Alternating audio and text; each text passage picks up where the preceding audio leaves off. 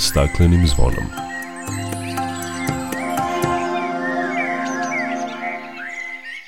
Dobar dan. Na talasima prvog programa Radio Novog Sada u narednih 55 minuta bit ćete u prilici da poslušate još jedno izdanje emisije pod staklenim zvonom koje se bavi temama iz oblasti zaštite životne sredine. Današnju emisiju realizuju Jovan Gajić u tehnici, za muziku je zadužena Maja Tomas, a pred mikrofonom je Ivan Nožinić.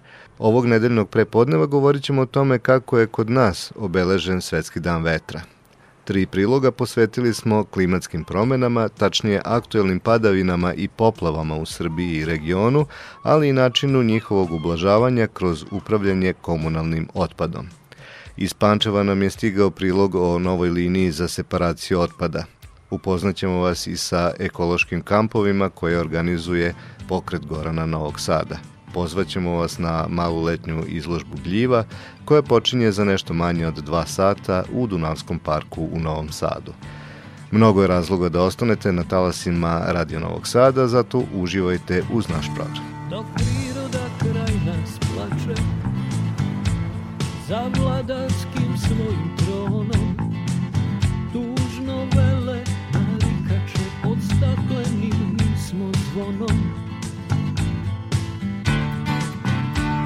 Znaj vazduha više nema. Sve manje je i ozona. Protiv sebe ide čovek i to često Bez pardona. Uništenju živog sveta Kao da su ljudi skloni. Čovek sam je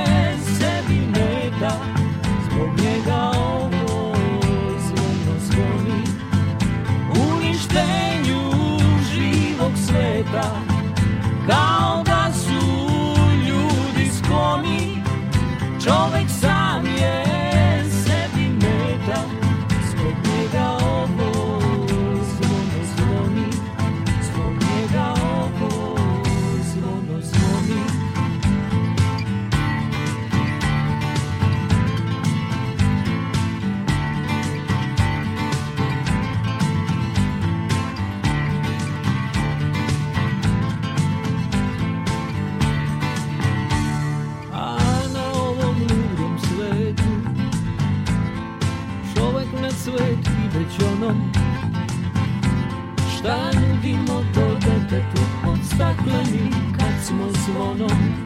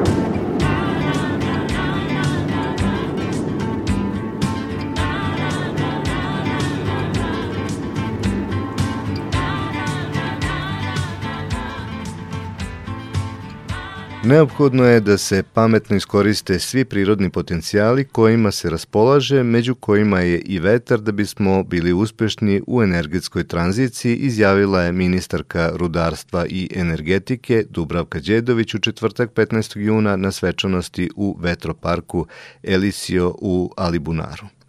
Povodom Svetskog dana vetra događaj je organizovalo Udruženje obnovljivi izvori energije Srbije. Đedović je naglasila da je izračunata snaga vetra u najvetrovitijem području Srbije uporediva sa evropskom, ali da trenutno iz vetra dobijamo tek 3% električne energije.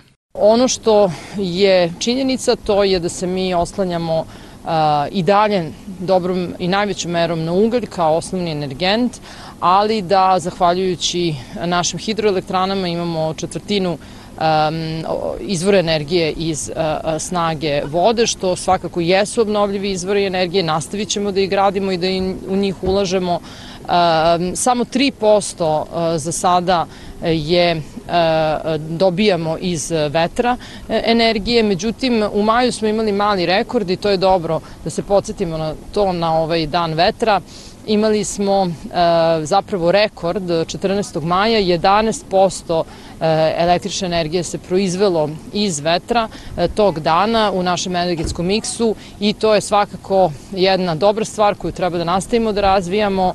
Trenutno imamo 400 MW u 8 vetroelektrana, Ministarka Dubravka Đedović podsjetila je da su vlada Srbije i Ministarstvo rudarstva i energetike pokrenuli aukcije za dodelu tržišnih premija za obnovljive izvore energije, koje će za rezultat imati 450 novih zelenih megavata, a u naredne tri godine novih 1300 megavata koji će unaprediti energetsku sigurnost i smanjiti negativne utice energetike na životnu sredinu. Važno je da znamo da će naši građani, naša privreda imati koristi od toga, e, da to znači više sigurnosti za naš e, energetski sistem, da znači e, više kapaciteta u našoj zemlji, dostupni za naše građane i za našu privredu i to je ono što treba da podstičemo i to i radimo planom trogodišnjeg aukcija koji zapravo treba da nam pomogne da dođemo do 1300 megavata novih kapaciteta za vetar i za solar.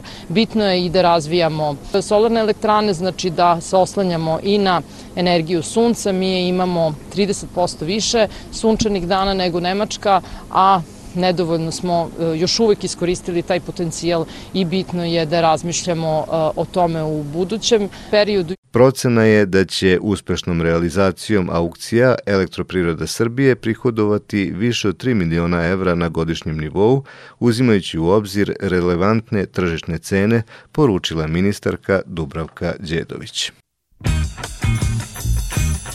You can dance every dance with the guy that gives you the eye, let him hold you tight.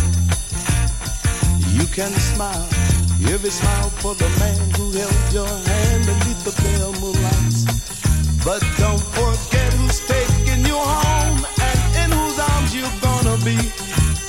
So darling, save the last dance for me. Ooh, oh I know, oh, I know. that the music's yes, fine like sparkling oh, wine. Go and have yes, your fun. Oh, Laugh and sing, yes, but while we're up, oh, don't give your heart to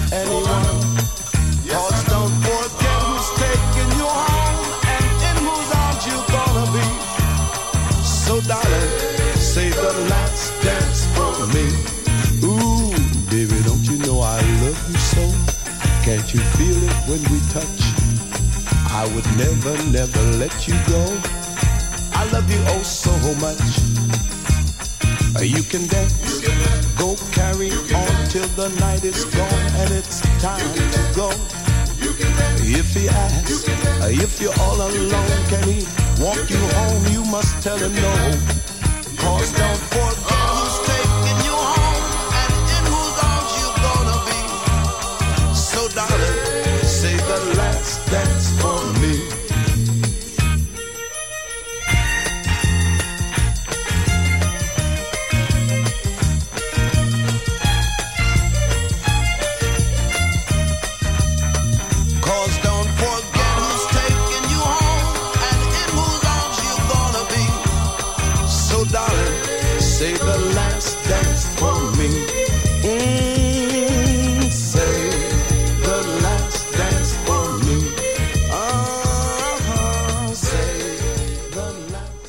Velika količina padavina u kratkom periodu uticala je na izlivanje bujičnih vodotokova kao i poplava u urbanim sredinama, a zbog tako teških posledica klimatskih promena biće potrebno još ulaganja i kreiranje strategije dugoročnih mera, kažu stručnjaci. Opširnije Milijana Kočić. Vreme praćeno grmljavinom, gradom i obilnim padavinama poslednjih dana pravi ozbiljne probleme na čitavoj teritoriji zemlje. U pojedinim mestima su se izlile reke, zbog čega je proglašena vanredna situacija u 32 grada i opštine. Trenutno se sprovode kratkoročne mere radi saniranja posledica, ali država će, u skladu s tendencijama velikih poplava i suša kao posledice klimatskih promena, morati da napravi dugoročnu strategiju, objašnjava direktor Srbije voda Goran Puzović.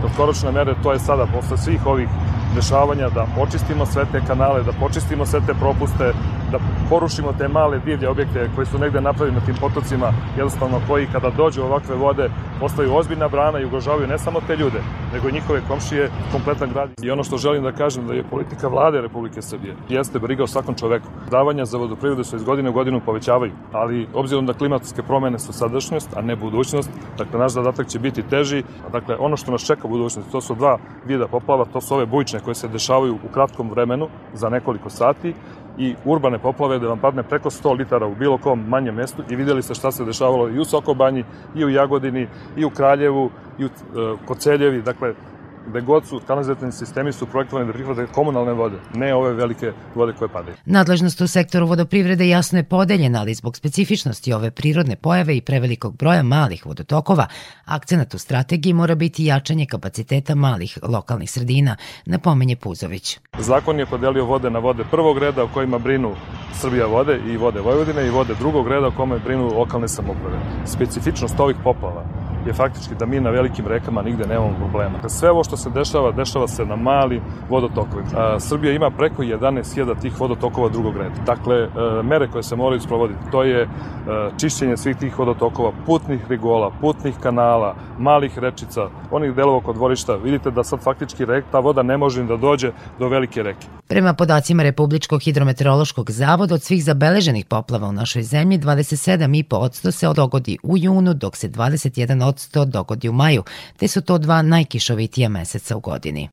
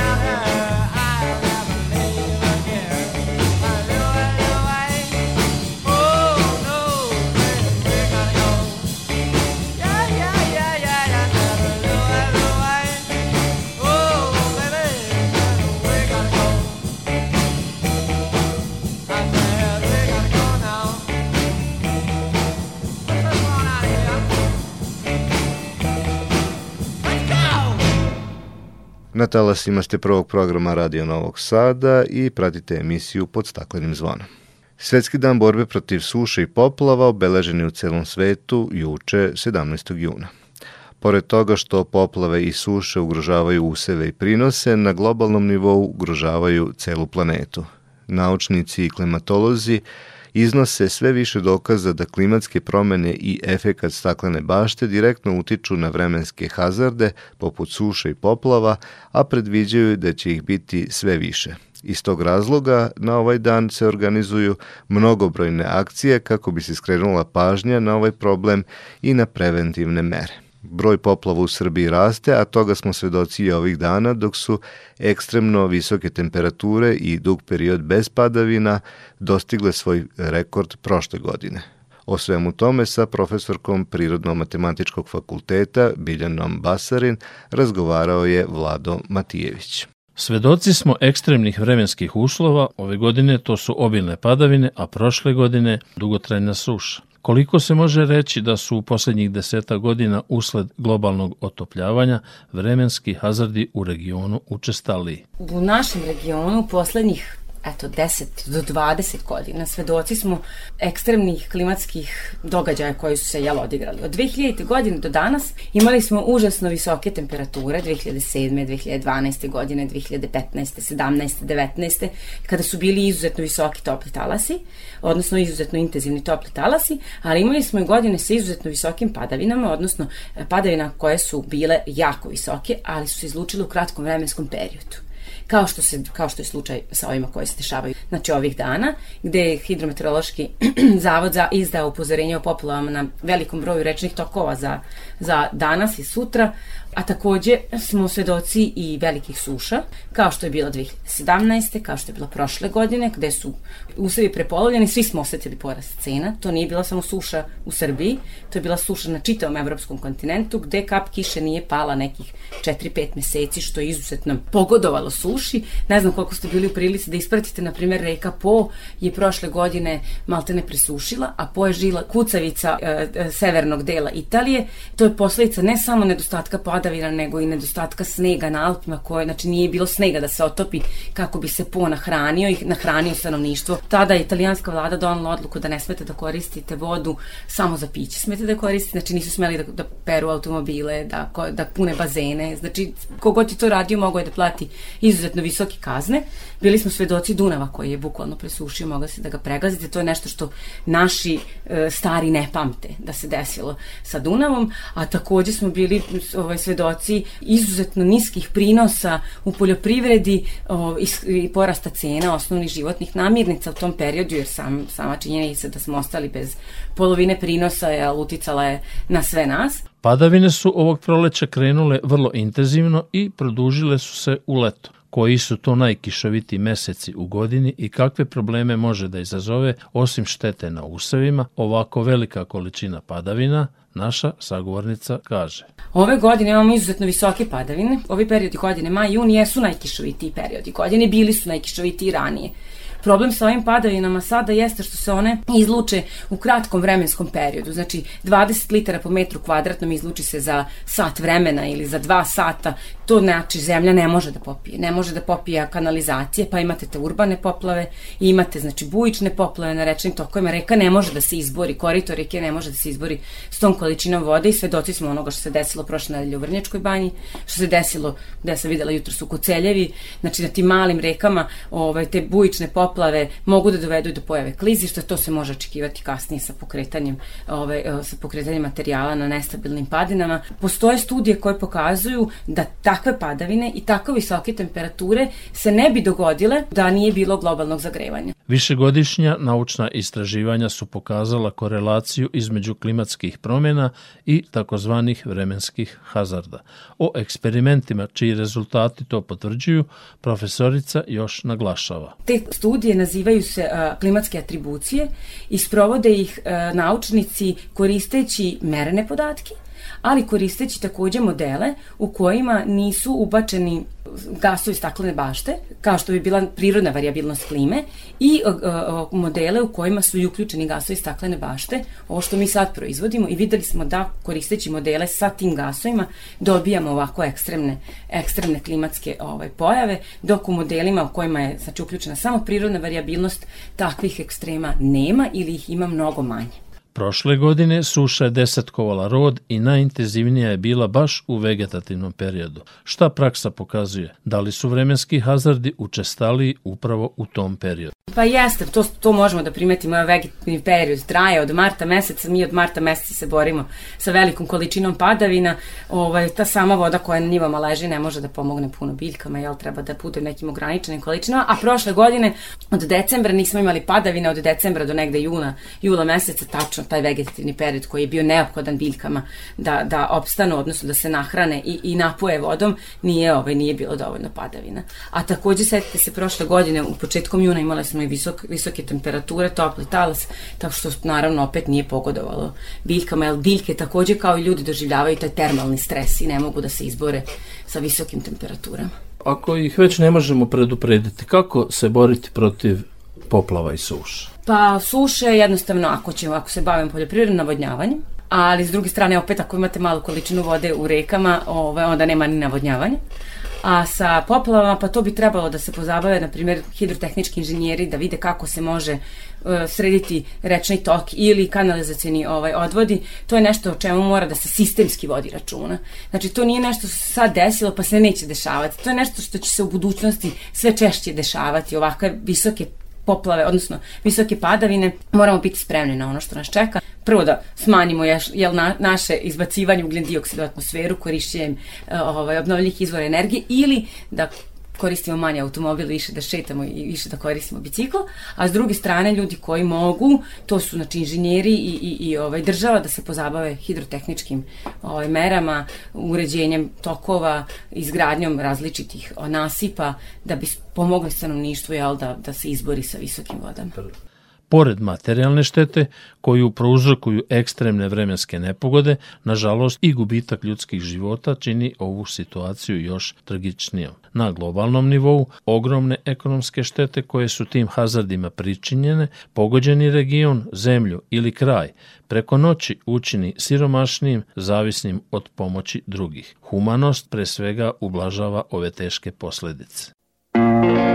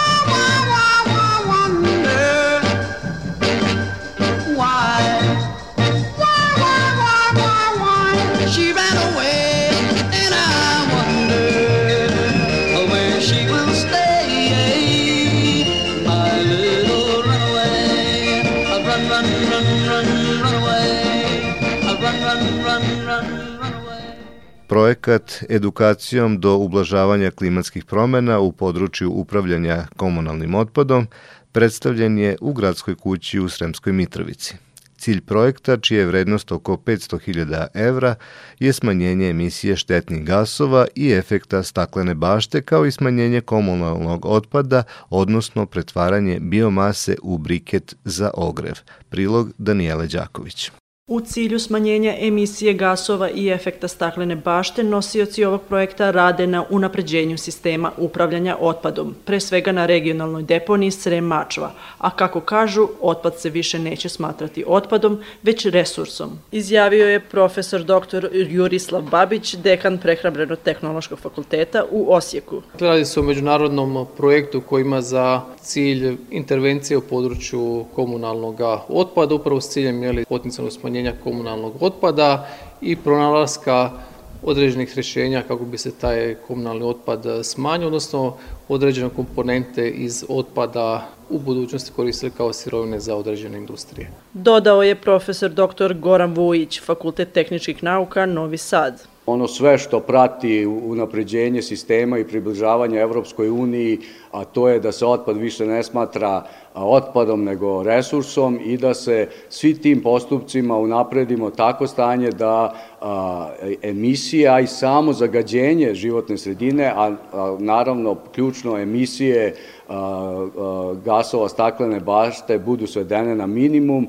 Projektom je u planu unapređenje poslovanja regionalne deponije Srem Mačva u pravcu smanjenja emisije štetnih gasova, a ovom prilikom je rečeno da će ova regionalna deponija postati edukativni centar za operatere deponija u Republici Srbiji.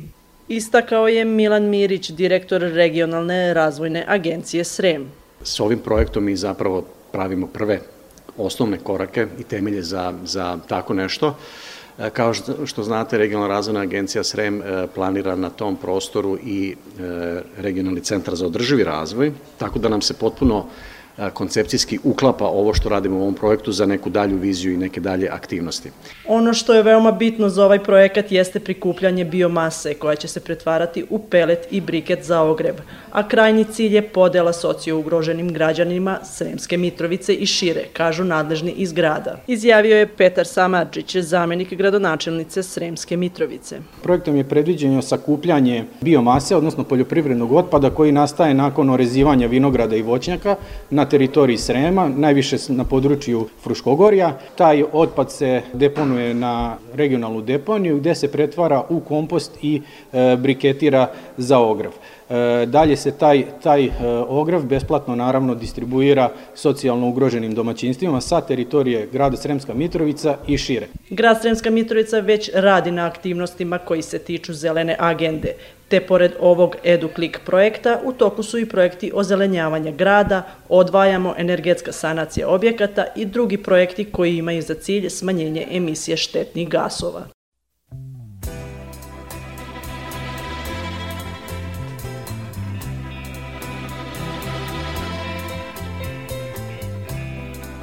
Don't let the sun catch you crying Tonight's the time for all your tears.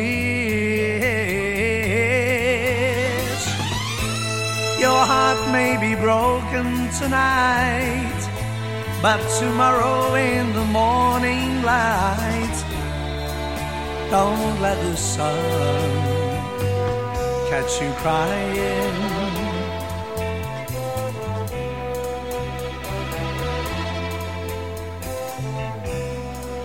the nighttime shadows disappear.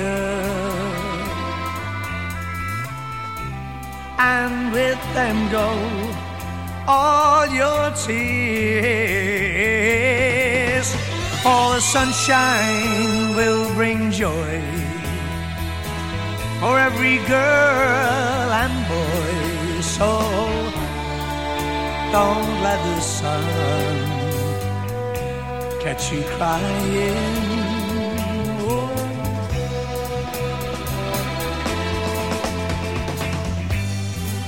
We know that crying's not a bad thing. but stop your crying when the birds sing. It may be hard to discover that you've been left for another. But don't forget that love's a game, and it can always, always come again. And don't let the sun catch you crying. Don't let the sun catch you crying. Oh no, whoa, whoa,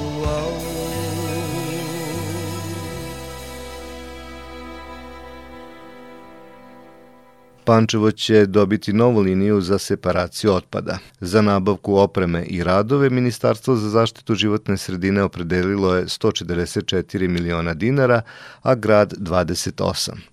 Nova linija za separaciju bi trebalo da omogući da se poveća stopa reciklaže. Iz Pančeva se javlja naša dopisnica Aleksandra Vlajić. U reciklažnom centru javno-komunalnog preduzeća Higijena nalazi se privremena linija za separaciju otpada. Ona će biti zamenjena novom koja će olakšati posao radnicima. Novac je opredeljen za nabavku opreme, radove na rekonstrukciji postojeće hale i dogradnju nastrešnice za liniju za separaciju, kao i izgradnju objekta za zaposlene.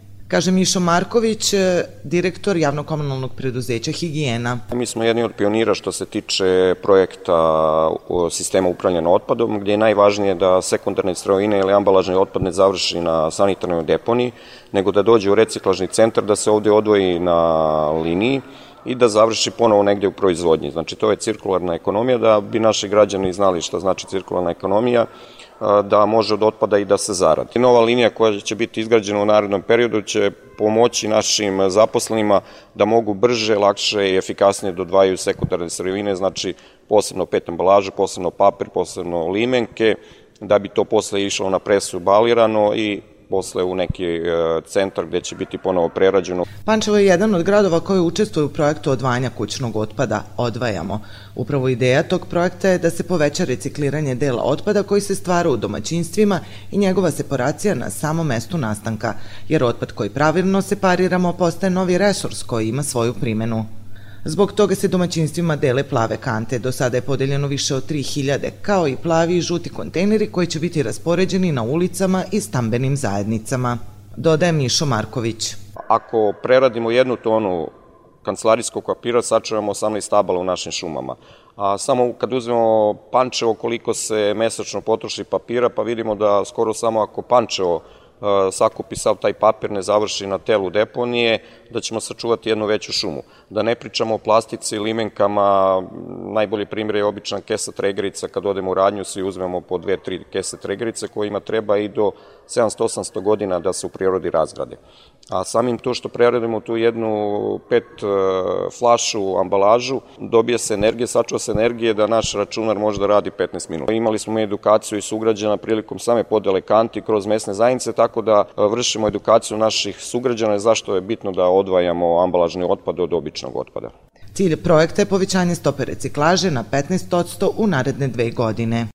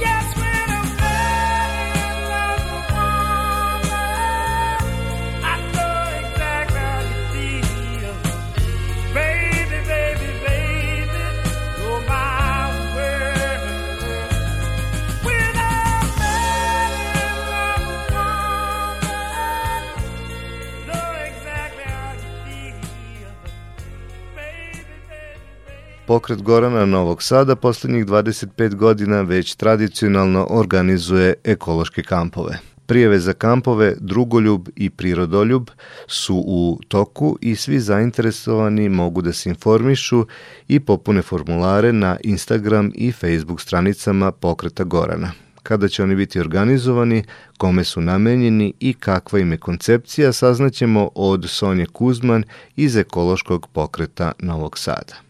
Kampovi Drugoljub i Prirodoljub bit će namenjeni načeloj dečici od 6 do 12 godina. Kamp Drugoljub bit će namenjen deci od 6 do 8 godina i na njima smo stavili akcenat na tom druženju, poznavanju prirode, posmatranju šta je ono sve što nam priroda nudi, naša Fruška gora, zatim Stražilova, ekološki centar Adolovački u kom se naši kampovi organizuju.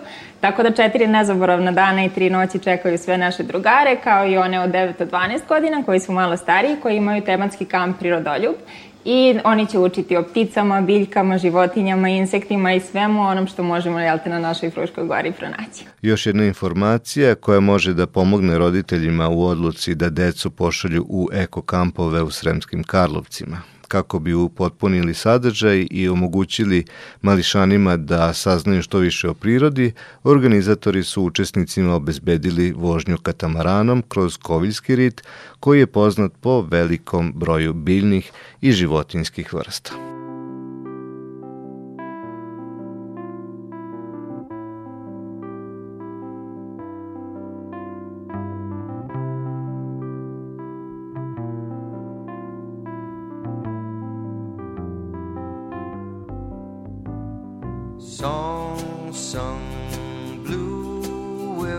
everybody knows one song sung blue. Every garden grows one.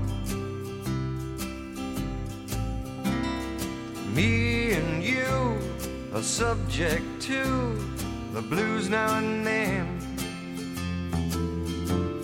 But when you take the blues and make a song, you sing them out again sing them out again. Song sung blue, weeping like a willow. Song sung blue, sleeping on my pillow. Funny thing, but you can sing it with a cry in your voice. Before you know it, get to feeling good. You simply got no choice.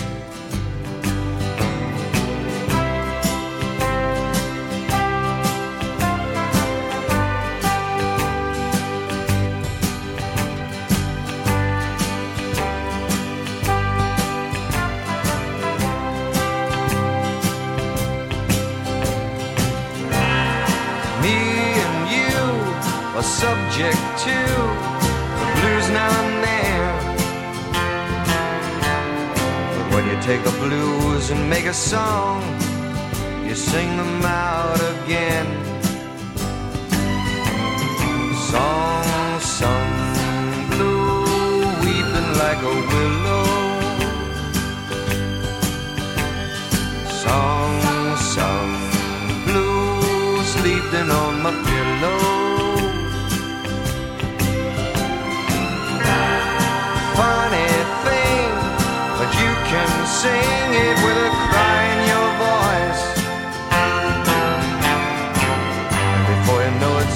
Feeling good.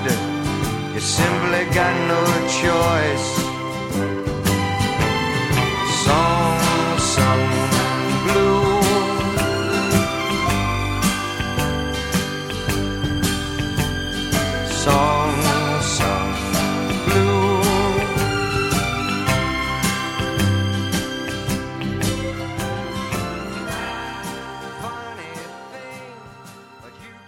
Gljivarsko društvo Novi Sad i ove godine u Saletli Novosadskog Dunavskog parka organizuje malu letnju izložbu gljiva.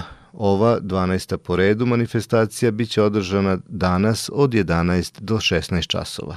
Cilj izložbe je da građane Novog Sada, ali i sve druge koji se zateknu u gradu, nauči nešto više o svetu gljiva, posebno onih koje se mogu naći na Fruškoj gori.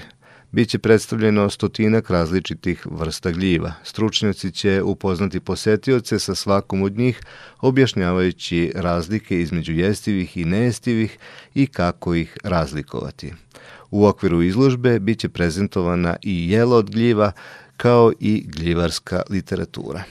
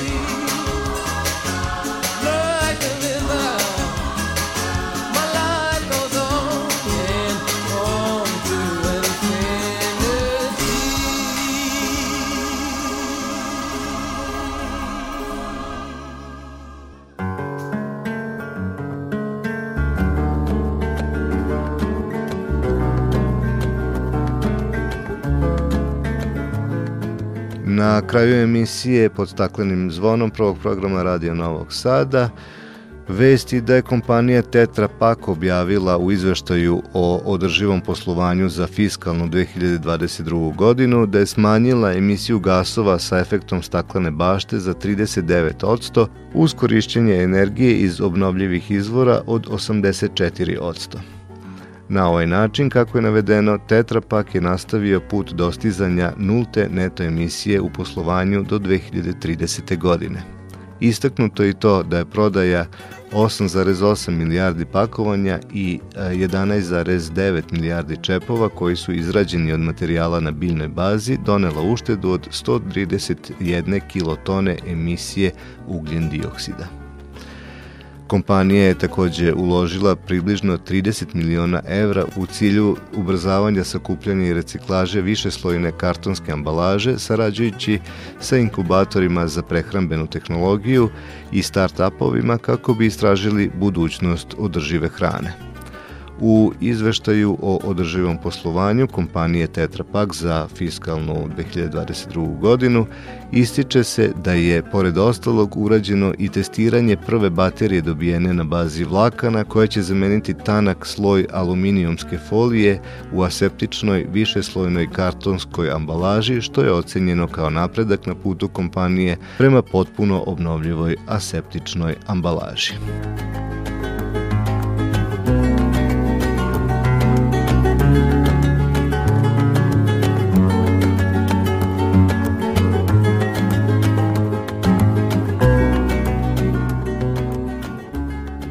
Bilo je ovo sve što smo vam pripremili za danas u emisiji pod staklenim zvonom Radio Novog Sada.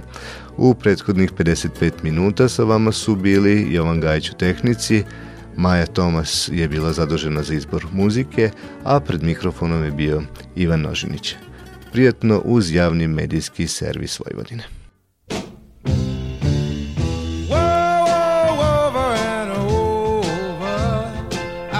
to prove